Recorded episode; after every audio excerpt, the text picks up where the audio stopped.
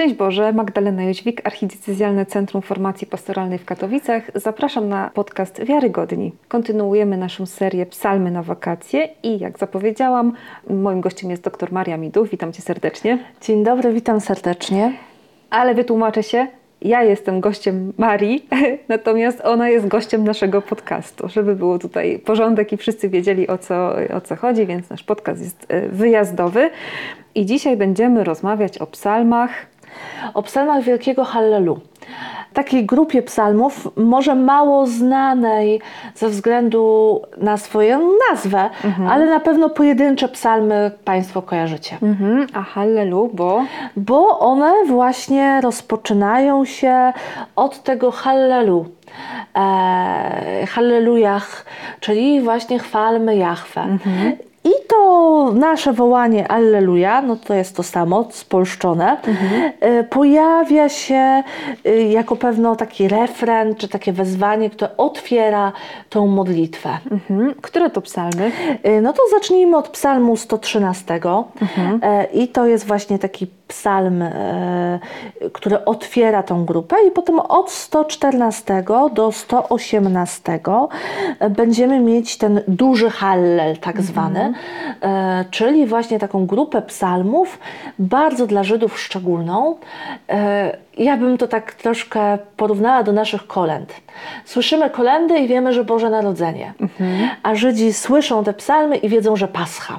Okej, okay, czyli to były psalmy śpiewane w czasie Paschy. Tak, psalmy mhm. szczególnie związane z Paschą. Mhm. Oczywiście to nie oznaczało, że nie można ich zaśpiewać kiedy indziej, ale yy, wiadomo było, że w czasie sederu paschalnego, czyli w czasie tej wieczerzy paschalnej, te psalmy musiały być odśpiewane. One miały swoje specjalne miejsce w tym mhm.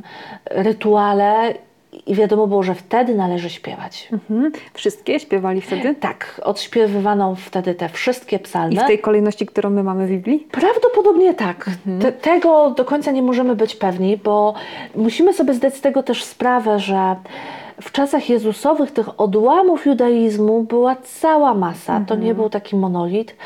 I poszczególne odłamy miały jakby swoje liturgie, mhm. miały y, swój sposób celebrowania różnych świąt. Y, I też różne podejście do pism, które odczytywano czy odśpiewywano. Y, no więc tutaj nie możemy być pewni, czy wszyscy robili tak samo. Mhm. Ale to chyba trochę też jest takie normalne, że jednak nie, nie modlimy się wszyscy tak samo. Jednak mamy jakieś swoje Dokładnie upodobania. Dokładnie tak, tym bardziej, że judaizm kładł duży nacisk na to, żeby to była szczera modlitwa. Mhm. Różnie to wychodziło. Tutaj polecam przeczytać księgi prorockie i tam jak prorocy y, ganią tych, którzy robią coś na pokaz mhm. i dlatego, I że, że wypada i nieszczerze. Ale właśnie przez takich proroków był duży kładziony nacisk na to, żeby to było naturalne. Mhm. Żeby modlitwa stała się Twoim oddechem. Żeby psalmy się stały Twoim oddechem. Te psalmy są tak różne, że możemy je dopasować do różnych sytuacji życiowych. I teraz, no właśnie, biorąc głęboki oddech y, i widząc coś, co się dzieje, analizując swoje życie, mogę odnaleźć psalm, który będzie do tego pasował. Mhm. Sytuacja paschy, sederu paschalnego, czyli tej wieczerzy paschalnej, wymaga ode mnie wpisania się w pewne ramy. Ale yy, nie było to tak aż mocno mm, wszystko sformalizowane, że musimy zacząć od tego psalmu, a nie możemy od innego. Mhm. Okej. Okay. To już mamy instrukcję obsługi, jeśli chodzi y, o te psalmy. Jeszcze mhm. może bym mhm. tylko to dodała, że nam śpiewanie psalmów najczęściej kojarzy się z kościołem i psalmem, psalmem odśpiewywanym na mszy świętej. Y, I w zależności od umiejętności śpiewającego i organisty, mamy tu coś, co się dobrze słucha lub trochę gorzej, gorzej. słucha. Mhm. A tutaj przede wszystkim chodziło o to, żeby te psalmy odśpiewać razem. Mhm. Że to nie jeden kantor wykonywał, tylko to wszyscy biesiadnicy mieli wykonać. I trudno nam sobie wyobrazić, że oni te psalmy e, wykonywali siedząc albo stojąc ze złożonymi rękami, absolutnie nie. Przypomnijmy, że gest złożonych rąk to jest e, dużo późniejszy gest i on tam zrodził się gdzieś w średniowiecznej Europie, a, a tutaj no, nie było takiego gestu e, i nie, był, nie było to stateczne odśpiewywanie tych psalmów, ale było to y, tańczenie. Mogły towarzyszyć temu instrumenty takie domowe, mhm. jakieś tam bębenki, y, to co dzisiaj byśmy jakimiś przeszkadzajkami nazwali. To wszystko było w tym włączone i to miało być radosne śpiewanie całej wspólnoty świętującej. Mhm te psalmy są charakterystyczne, w sensie specyficzne. No, zaczynają się tym, no, jako refren mają to Alleluja, nasze, nasze Alleluja, mm, więc to, sugeruje, że skupiają się one na przede wszystkim uwielbieniu Boga, tak byśmy mogli to określić. Tak, y, moglibyśmy powiedzieć, że one skupiają się na tym, żeby dostrzec Boże działanie. Mhm. To jest takie uczenie troszkę uważności. Mhm. E, Och, jakie na czasie. Bardzo na czasie. Y, w ogóle religia Izraela, psalmy, ale jakby ta pamięć o tym, co się wydarzyło, to jest takie bardzo ważne, bo człowiek wyznający tą religię musi pamiętać, mhm. musi mieć dobrą pamięć. Nie może żyć tylko teraźniejszością, ale ma się odwoływać do przeszłości, z tej przeszłości wydobywać Boże działanie mhm. i patrzeć, czy coś takiego się nie dzieje w moim życiu teraz. Żeby wiedzieć, jak zareagować. Żeby wiedzieć, jak zareagować, ale żeby też być wyczulonym na Boga, który przychodzi. Mhm. E, żeby rozpoznawać, że On działa. Mhm takie uczenie się na historii, która się wydarzyła. Czyli kiedy mówimy o tym uwielbieniu w takim duchu psalmów, to mówimy o um, dostrzeganiu Bożego działania i takiej postawie zachwytu, wdzięczności. Za to... Zachwytu, wdzięczności, docenienia. Mhm, okay. e, I to jest taka postawa bardzo ciekawa, bo to jest podstawa kogoś, kto nie może się odwdzięczyć. Mhm. My bardzo często, jeżeli ktoś nam wyświadczy jakąś przysługę, chcemy się zrewanżować na poziomie tej przysługi, prawda? Ktoś nam coś ofiaruje, no to okej, okay, to my mu coś ofiarujemy. Nie wiem, ktoś przyszedł do nas na wesele i włożył, i włożył do koperty tyle, no to jak pójdę do niego na wesele, to wiem, ile mam włożyć do koperty. Natomiast Biblia uczy nas czegoś innego. Biblia uczy nas takiego przyjmowania daru, za który nie jesteśmy w stanie się odwdzięczyć. No i to chyba niekomfortowa sytuacja. To jest właśnie taka sytuacja, no właśnie dla nas, naszej mentalności niekomfortowa, e, ale takie jest myślenie biblijne, mhm. że jakby od Pana Boga dostajesz coś, i nie jesteś w stanie się odwdzięczyć. Możesz to dostrzec, mhm. możesz podziękować, możesz się ucieszyć, i w sumie chyba o to chodzi. Po I prostu. O to chodzi i Panu Bogu o to chodzi, ale nie jesteś w stanie tego spłacić, mhm. bo zawsze będziesz dłużnikiem Pana Boga. Mhm. A jak Twoim zdaniem, jako y, biblijski specjalistki mojej dzisiaj od psalmów, dzisiaj I, i poprzednio, kiedy opowiadasz o tym psalmach i rozmawiamy o tym uwielbieniu, to zastanawiam się, na ile to, co my dzisiaj rozumiemy przez uwielbienie Boga, to, to, to, co też często praktykują różne wspólnoty na różnych modlitwach wspólnotowych, charyzmatycznych, na ile to koresponduje właśnie z y, tą logiką uwielbienia, która jest y, w psalmach, bo często spotyka się takie zdania, stwierdzenia, że uwielbiać Boga możemy tylko w czymś, nie za coś, bo na przykład mówi się o tym, że kiedy uwielbiamy Boga, to jest to najlepsza modlitwa i najbardziej bezinteresowna, bo się koncentrujemy tylko na Bogu. Zgadza się to z tą logiką biblijną? Hmm. Czy trochę. Ja bym powiedziała, że. Nadużywamy. To uwielbienie biblijne było tak spontaniczne mhm. i tak wyrastające z danej chwili, mhm. że trudno powiedzieć, jakie były założenia autorów biblijnych, kiedy przystępowali do uwielbienia. E, my możemy tworzyć teorię uwielbienia. Mhm możemy rozwijać, jak to powinno wyglądać. Oni się tym nie zajmowali. Okay. Oni się tym nie zajmowali, po prostu uczyli takiej wrażliwości na to, co Bóg robi i reakcji na to. Mhm. Zareaguj tak, jak ci podpowiada serce. Mhm. E, w danym momencie. Mhm. E, I możesz go uwielbiać za dzieła, które dokonał. Możesz go Czyli jednak za coś. Tak. Możesz go uwielbiać też za to, że po prostu jest. Mhm. E, możesz go uwielbiać, e, bo to jest jedyne, e, co możesz jakby jemu oddać. Mhm. Ale to wszystko ma być bardzo naturalne. Mhm. Czyli im spontaniczniej, im normalniej, tym lepiej. Tym lepiej. Y, Im tak bardziej naturalnie dla danego człowieka. Dla jednego naturalnie będzie, nie wiem, krzyczenie z rękami do góry, a dla innego siedzenie z szeroko otwartymi oczami. Ja mam właśnie wizualizację. tak. I, Oczami, buzią i wszystkim dokładnie. innym. I takie kontemplacja tego, co się wydarzyło. Mhm, Okej, czyli mamy przede wszystkim znowu słuchać siebie, ale też właśnie w tym, żeby być kimś, kto jest w dialogu, w reakcji z Bogiem. Chodzi tutaj o uwielbienie, w którym jest zaangażowany cały człowiek. A dlaczego akurat te psalmy są na Paschę śpiewane? No właśnie, bo y, Pascha to jest takie święto, powiedzielibyśmy, niepodległości Izraela. Czyli to jest święto, w którym e, Żydzi świętowali to, że stali się narodem. Stali się narodem wolnym, który Pan Bóg wśród cudów wyprowadził do ziemi obiecanej. I Pascha y, ma uświadomić Żydom, że Pan Bóg działa w ich historii. I te psalmy też uwrażliwiają nas na działanie Pana Boga. Więc e, śpiewając te psalmy, dziękujemy Panu Bogu za to, co się wydarzyło, za wyprowadzenie z Egiptu, ale za inne momenty Jego interwencji w historii narodu wybranego. Więc, no właśnie, te, te y, psalmy mają y, na celu wzbudzić wdzięczność, wzbudzić wdzięczność za historię. To jest taka niesamowita wskazówka, myślę, dla nas. Gdybyśmy się nauczyli dziękować za historię naszego życia. Czy wychodzenie z Egiptu było łatwe? No na pewno nie. Zwłaszcza, że to nie, było, nie byli aż tacy chętni wbrew pozorom. Dokładnie. Czy to przechodzenie przez pustynię, no dobra, były przepiórki, była manna, ale one były dlatego, że oni się zaczynali skarżyć, że im było źle, że Tęsknić narzekali, za cebulą, tęsknić. czosnkiem, Tak. porem. Po prostu chcieli z powrotem wrócić do Egiptu. To nie było łatwe. A jednak z perspektywy czasu widać, że to był niesamowity czas działania Pana Boga.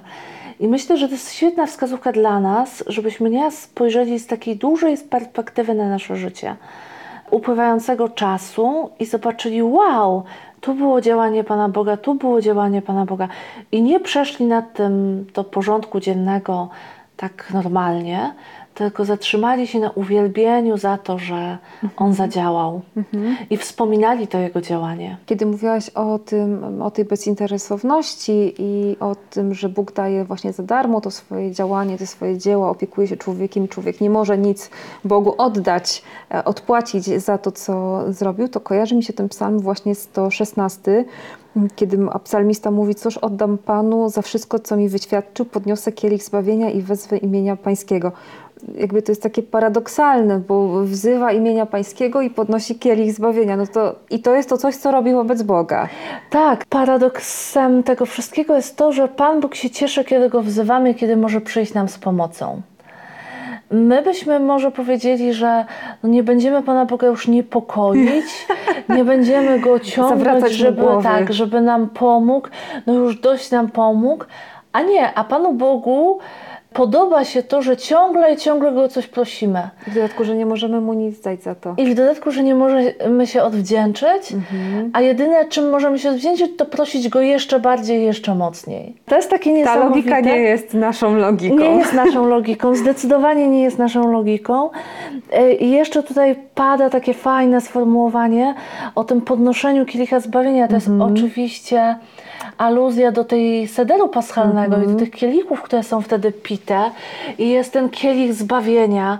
To jest ten, który Jezus podniósł i powiedział: Oto jest krew moja, która za was i za wielu będzie wylana, i który dał innym do picia.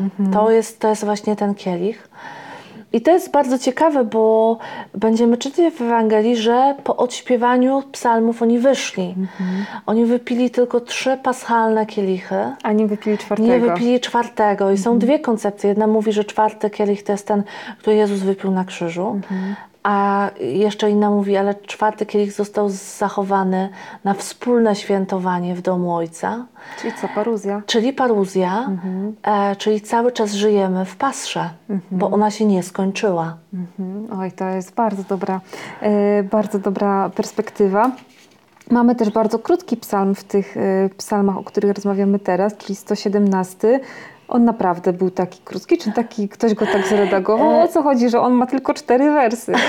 No właśnie, myśmy się przyzwyczaili do tego, że psalm musi być długi. Niekoniecznie może być taki krótki, ale bardzo treściwy, mhm. bo jego teologia wbrew pozorom jest bardzo głęboka.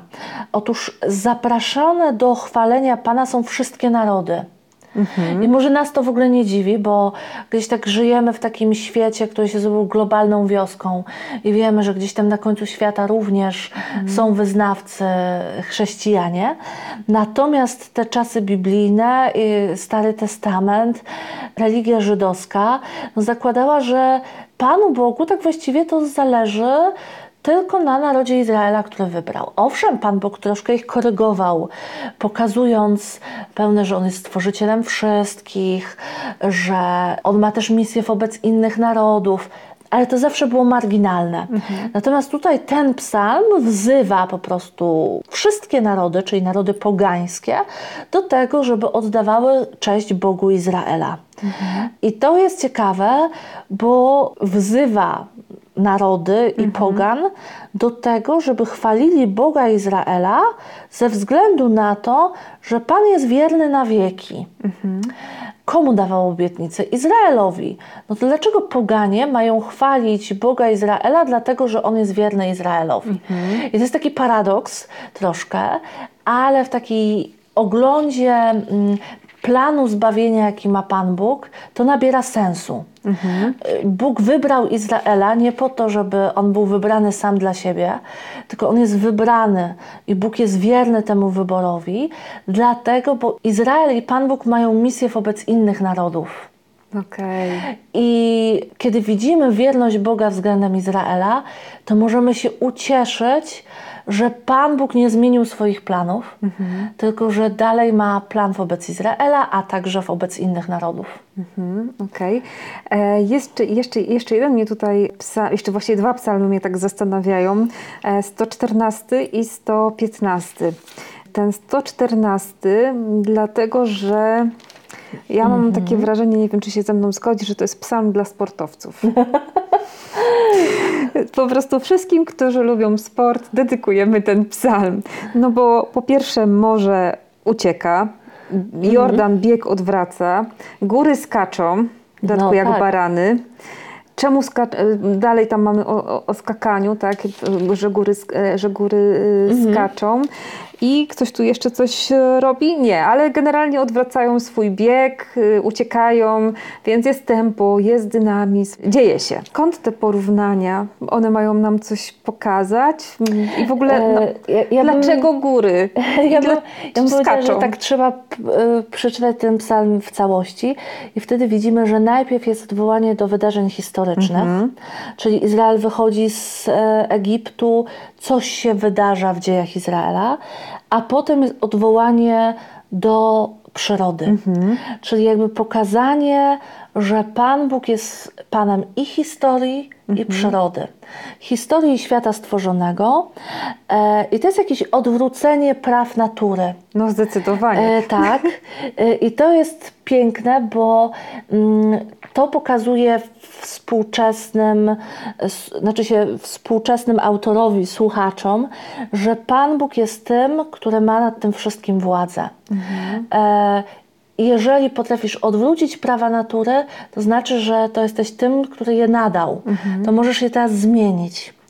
E, i dla Pana Boga to jest nic. To po prostu On to może zrobić. Coś, co, czego człowiek, nawet gdyby się bardzo starał, nie jest w stanie wykonać.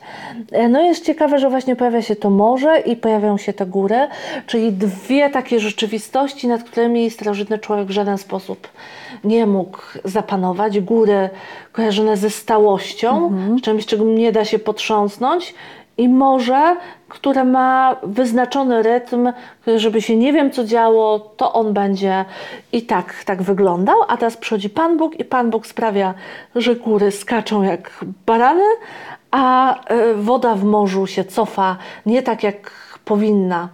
Czyli e, po prostu Pan władcą wszystkiego. E, I to jest takie zadziwiające działanie Boże.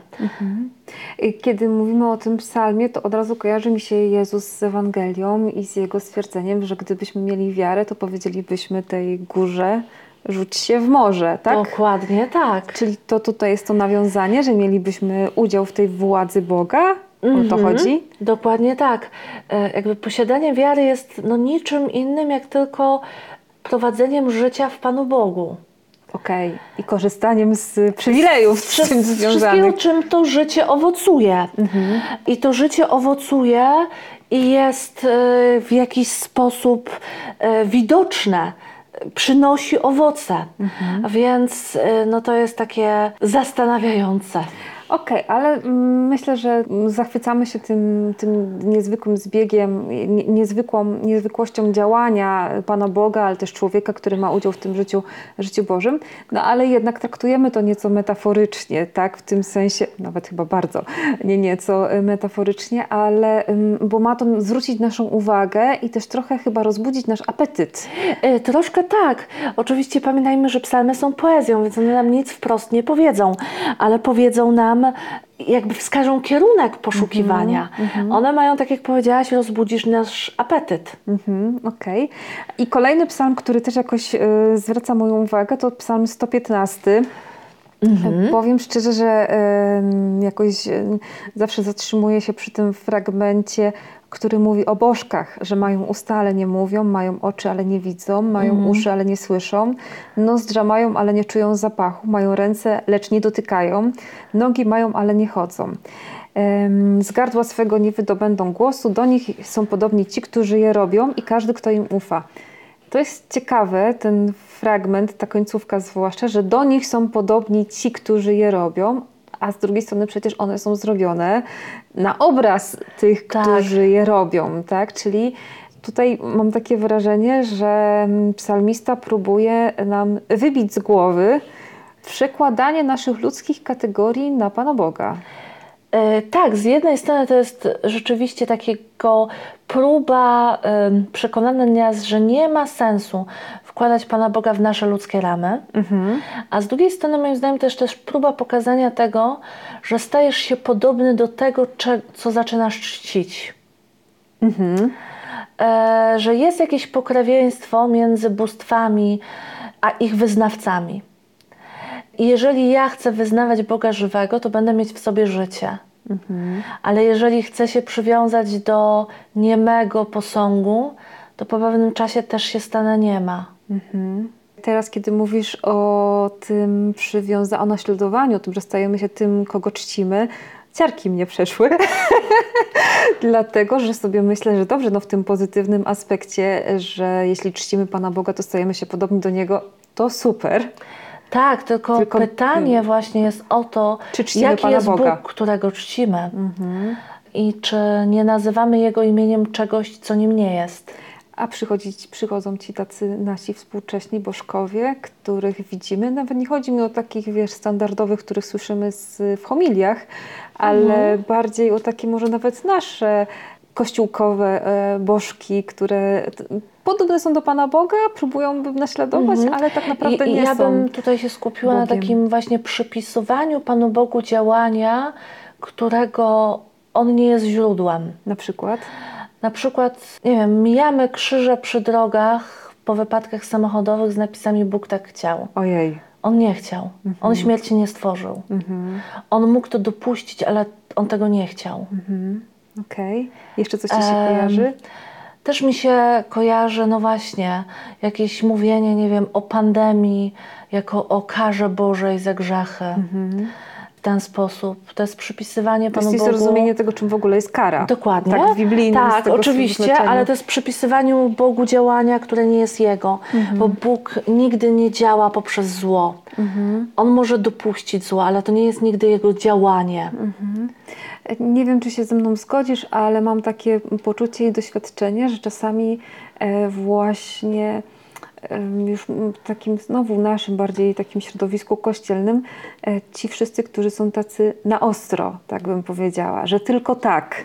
Tylko tak. Tylko właśnie. w taki sposób, czy to jeśli chodzi o liturgię, czy jeśli chodzi o modlitwę, czy jeśli chodzi o e, różne mm, jakby sposoby przeżywania swojej wiary, że tylko tak. Tylko tak. I Mhm. to jest takie trochę, no właśnie, już nawet z naszej rozmowy to wynikło, że przecież do spontaniczności Bóg nas namawia, kiedy modlimy się sami, prawda, kiedy to jest Mhm. nasze wyrażanie relacji z Panem Bogiem, a y, myślę, że takim naszym bożkiem współczesnym jest właśnie też właśnie takie skupienie się tylko na jednej opcji. E, takie niewolnicze trzymanie Mhm. się czasem prawa. Mhm, właśnie. E, i, I jakby.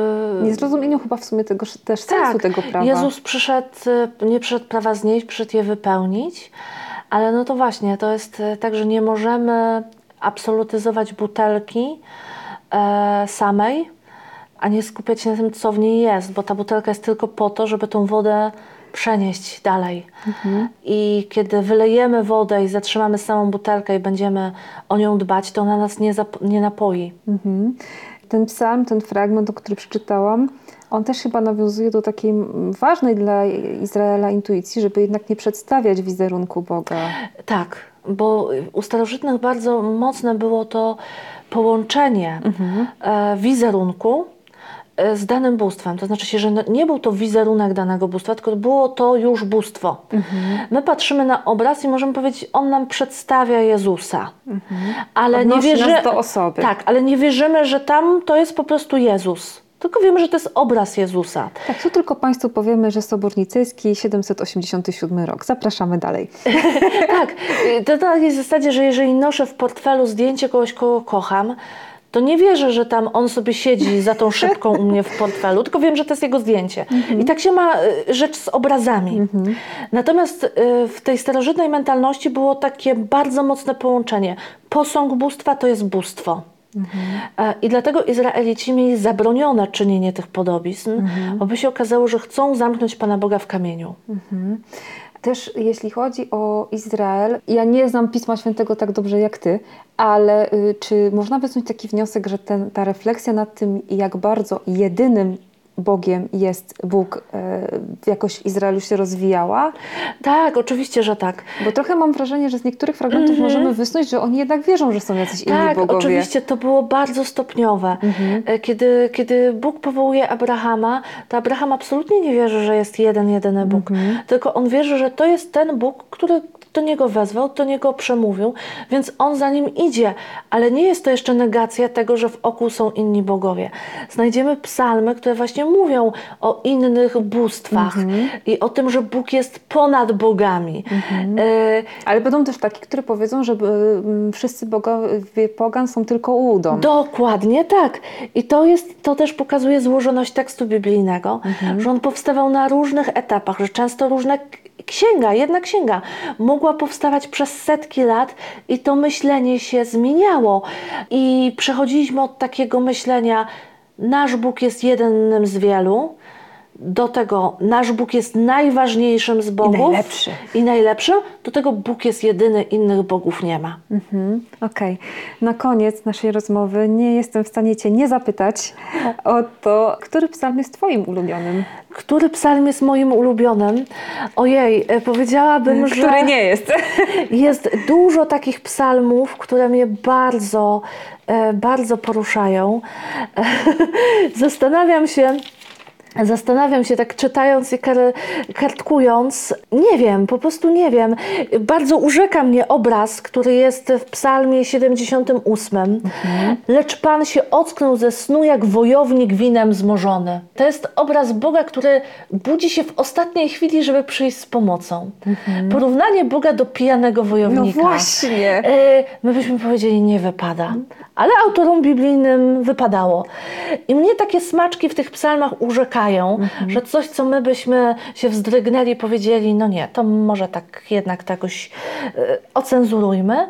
E, Tutaj one przychodzą i pokazują taką naturalność w tej relacji z Panem Bogiem. Więc to mi się podoba w psalmie 78. Bardzo lubię też psalm, ten, o którym mówiłaś, 130. E, To jego bardzo O lubię. wołaniu z głębokości. Tak. Bardzo lubię też psalm, który wydawałby się troszkę oklepany, czyli ten Pan jest pasterzem moim. Bo rzeczywiście jak się go czyta w oryginale, to tam wychodzą takie smaczki i się, się widzi, że on jest taki głębszy niż ten, który... Jakiś smaczek z tego z 23. Znaczy się, ja bym powiedziała, że mm, y, dla mnie wielkim odkryciem tego psalmu było to, że to, że Pan jest moim pasterzem, nie znaczy, że nie będę przechodzić przez ciemne doliny. E, I to nie będzie oznaczać, że nie będę przechodzić przez dolinę, które są nie tyle ciemne, że ktoś mi coś chce zrobić, ale są też ciemne dlatego, bo grzeszę. I sama jestem zła, i we mnie jest zło. E, ale Pan może być moim pasterzem i moja nadzieja w tym, że On mnie przez to przeprowadzi. Mhm. Bo kiedy mówiłaś właśnie wcześniej jeszcze o tym psalmie, to tak sobie pomyślałam, że nie dość, że to jest dolina, to jeszcze ciemna. Dokładnie tak. Mhm, to, Dokładnie czyli tak. dolina, czyli coś, co jest przeciwieństwem, tak? Wyżyny. Wyżyny, góry, czyli tego miejsca, gdzie spotykamy Pana Tak, Boga. tak. Mhm. No tak, no taka prawda o nas wszystkich, nie? nas że jednak te wszystkich. doliny są. Ja mam słabość do tego psalmu, bo zawsze co roku w liturgii jest on śpiewany w mojej urodziny. O! Dlatego, że y, po prostu jest to święto i dla, nie- dlatego, że mam urodziny, tylko akurat liturgicznie jest to Ustalono święto. w Rzymie, że Tak, należy. ustalono jest, to, ustalono jest to w Rzymie. Maju, bardzo Ci dziękuję Również za te nasze dwie dziękuję. rozmowy o psalmach. Mam nadzieję, że to nie są ostatnie nasze rozmowy. Państwa oczywiście zachęcamy do Księgi Psalmów. Proszę wybaczyć, że nie dajemy tu Państwu jakiejś ścieżki dydaktycznej, jak należy przejść tą księgę. Dajemy tylko kilka impulsów, inspiracji, aby ta lektura mm, no, jak najbardziej służyła naszej, naszej relacji z Bogiem, ale też oczywiście zapraszamy do spontaniczności, do tego, żeby przede wszystkim... Może napisać własny psalm. O, napisać własny psalm, ale tak kompletnie własny, czy na podstawie psalmów? A to już jak komu w duszy gra. Czyli zostawiamy spontaniczność. Dobrze. Dziękujemy Państwu bardzo za ten kolejny odcinek i zapraszamy na kolejny odcinek z cyklu Psalmy na wakacje.